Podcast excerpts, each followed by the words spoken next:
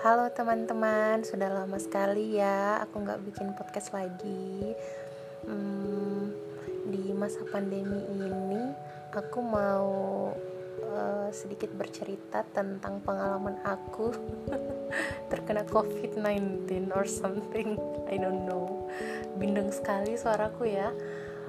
Ya kali aja teman-teman ada yang dengerin episode ini aku berharap teman-teman semua uh, sehat selalu ya. Jangan sakit. Terus kalau keluar rumah tuh jangan lupa pakai maskernya. Terus kalau pulang uh, cuci tangan ganti baju dan sebagainya. Terus mandi gitu-gitu. Pokoknya kebersihan itu adalah nomor satu gitu. Apalagi kemarin kan aku sudah masuk kembali ke rumah sakit gitu kan. Koas kembali dan kodarullah uh, ya sakit. Gitu jadi disuruh isolasi mandiri dulu. Padahal kalau misalnya nggak kena covid gini pasti aku udah ujian keluar objin gitu. Tapi ya gimana mau diapa gitu.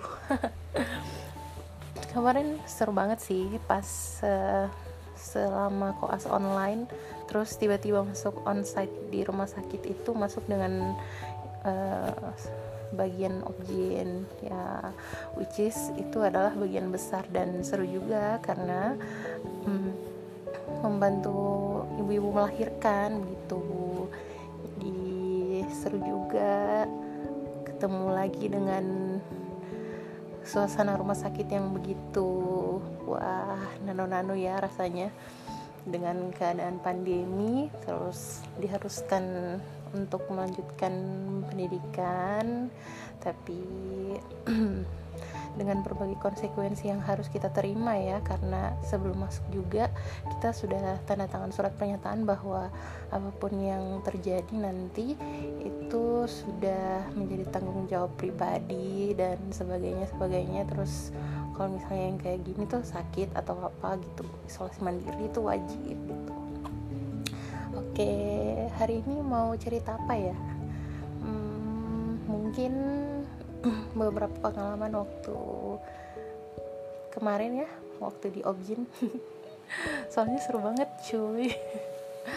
Jadi aku tuh pertama kali uh, melihat proses persalinan itu waktu uh, kakakku melahirkan gitu. Jadi benar-benar yang wah pantesan aja gitu kayak surga itu di bawah telapak kaki ibu itu bukan karena apa karena memang proses melahirkan itu benar-benar yang bikin uh, jadi taruhannya itu ya nyawa ibunya gitu. Jadi kalau misalnya kita sebagai anak misalnya durhaka dan I don't know aduh sedih banget ya karena proses melahirkan itu sangat-sangat hmm, mengharu biru penuh ketegangan terus kayak harus kuat harus yakin gitu kan usaha. Dan bukan hanya apa namanya berjuang sendiri aja karena hmm, gimana ya pas orang mau melahirkan tuh benar-benar yang harus dipimpin gitu biar ibunya tuh tahu cara mengedan tahu cara memposisikan dirinya biar nanti pas bayinya keluar itu bisa lancar gitu-gitu. Dan saat aku menyaksikan itu pertama kali wah aku speechless sih kayak waduh mau bikin apa ya saya di sini? Karena wah nggak tahu deh nggak bisa lagi berkata apa-apa. Terus pas kemarin pas di rumah sakit tuh lihat ibu-ibu yang lain kan. Dan semakin ke sini semakin beberapa kali dilihat ya uh, perasaan itu muncul gitu bahwa wah saya kalau lahiran nanti gimana ya? Takut juga. Karena sakit banget cuy. Bayangin aja sakit gitu. Mm. ya terus kemarin juga dramanya tuh banyak banget nggak tahu tuh sudah berapa puluh juta memori yang bikin aku kayak Hah, gini banget ya hidup gitu. Terus uh, apa namanya di stase objin tuh memang harus sabar terus harus kuat of course karena ya berhubung pekerjaan banyak gitu kan dan kita hanya kita ini koas gitu.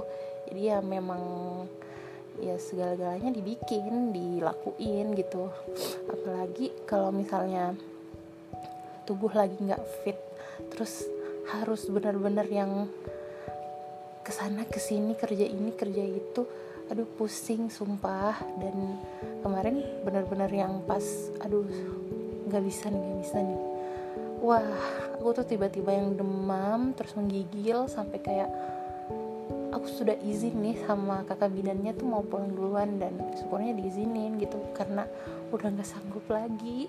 Kayak badan tuh remuk redam terus besokannya nggak bisa ini nggak bisa nelan malah nyeri. Terus disuruhlah aku swab. Pas aku swab itu uh, ke rumah sakit ya kan yang rumah sakit rujukan itu aku swab gini. Terus kakak labnya tuh di depan mata aku nih kan swabnya swab antigen kan.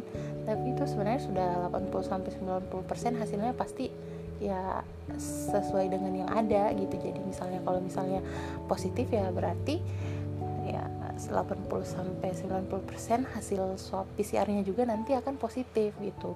Jadi kemarin pas kakak labnya itu periksa terus reagennya ditaruh di kitnya itu dia bilang ih positif. Aku malah ketawa nggak mungkin. Tidak mungkin kak tidak mungkin terus kakaknya bilang iya ini positif. Ini kan kalau misalnya negatif hanya garis kontrol yang aja yang ini yang merah. Tapi ini hasil eh garis hasilnya sama garis kontrolnya juga merah berarti positif.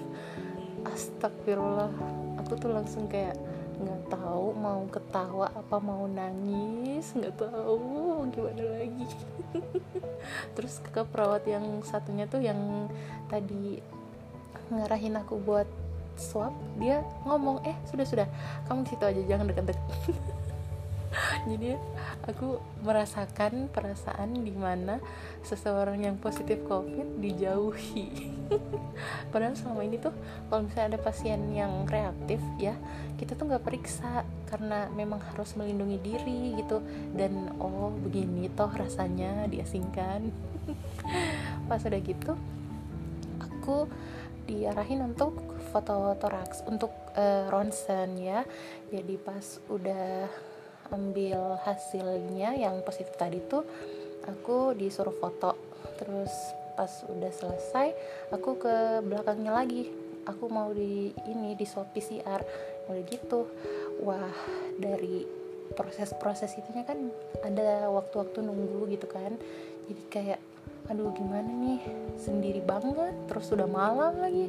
Karena emang aku perginya tuh malam tuh habis maghrib terus karena lama nunggu. Uh, jadinya uh, ya lama gitu nunggunya sendiri.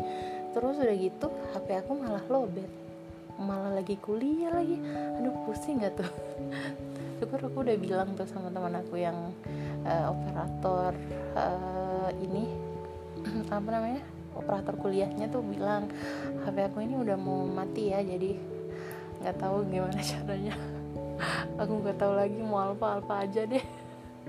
Nggak bawa cas terus rumah sakit jauh dari rumah dan emang nggak bisa pulang dulu buat ngambil cas karena ya ya gimana masih nunggu untuk di swab gini ya udah. Terus pas aku nunggu.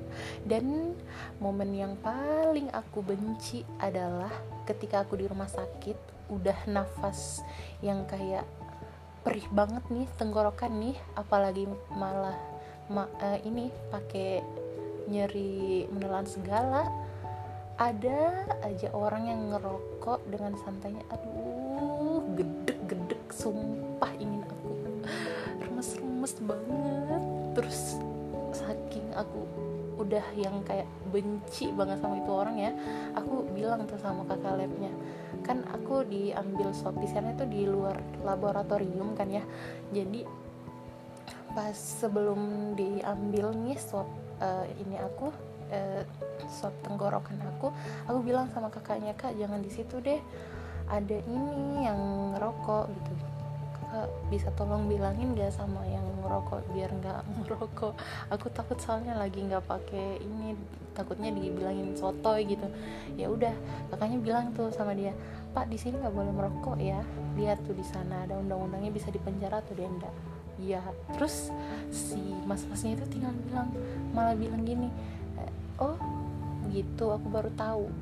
Hmm begitu. Ya iya bambang baca makanya ikro kesel banget ya pas sudah gitu um, aku diambil deh ininya sampelnya pas sudah diambil swabnya pulang dan bersama obat yang aku bawa tadi dari rumah sakit, aku mulailah dengan isolasi mandiri. Aku pikir akan seperti itu saja, tetapi ternyata hmm, orang tua pada mau datang ke Kendari karena ada acara keluarga. Of course mereka tinggal di rumah. Padahal aku udah bilang, mama tinggal di hotel saja. Tapi mereka nggak mau karena katanya supaya ada yang masakin anaknya yang lagi sakit oh my god bayangin gak tuh harus rumah dengan orang tua